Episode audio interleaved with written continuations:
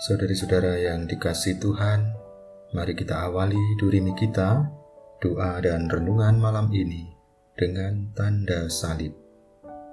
Dalam nama Bapa dan Putera dan Roh Kudus.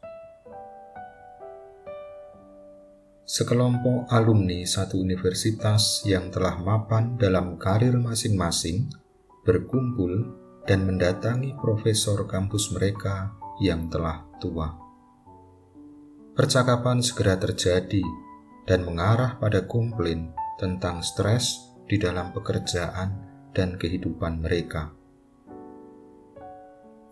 Menawari tamu-tamunya kopi, Profesor pergi ke dapur dan kembali dengan poci besar berisi kopi dan cangkir berbagai jenis.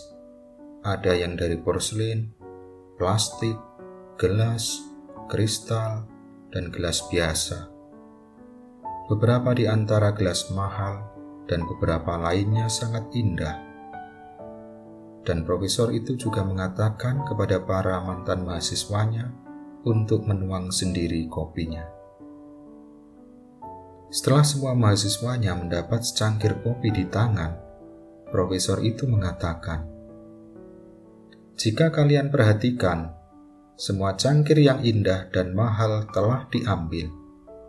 Yang tertinggal hanyalah gelas biasa dan yang murah saja.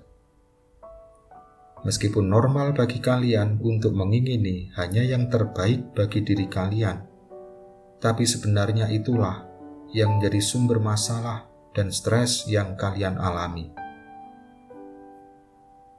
Pastikan bahwa cangkir itu sendiri tidak mempengaruhi kualitas kopi.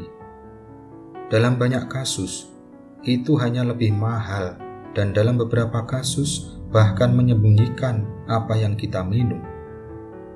Apa yang kalian inginkan sebenarnya adalah kopi, bukan cangkirnya.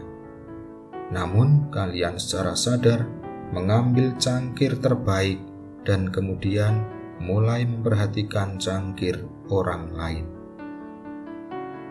Sekarang, perhatikan hal ini kehidupan bagai kopi, sedangkan pekerjaan, uang, posisi dalam masyarakat adalah cangkirnya. Cangkir bagaikan alat untuk memegang dan mengisi kehidupan. Jenis cangkir yang kita miliki tidak mendefinisikan atau juga mengganti kualitas kehidupan yang kita hidupi. Seringkali, karena berkonsentrasi hanya pada cangkir, kita gagal untuk menikmati kopi yang Tuhan sediakan bagi kita.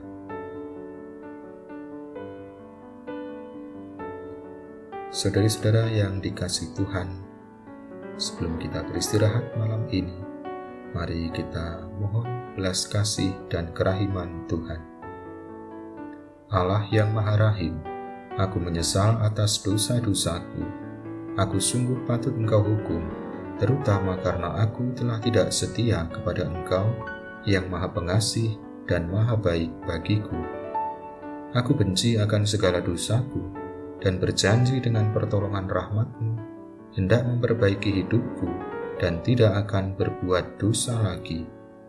Allah yang Maha Murah, ampunilah aku orang berdosa ini. Salam Maria, penuh rahmat Tuhan sertamu Terpujilah engkau di antara wanita, dan terpujilah buah tubuhmu Yesus.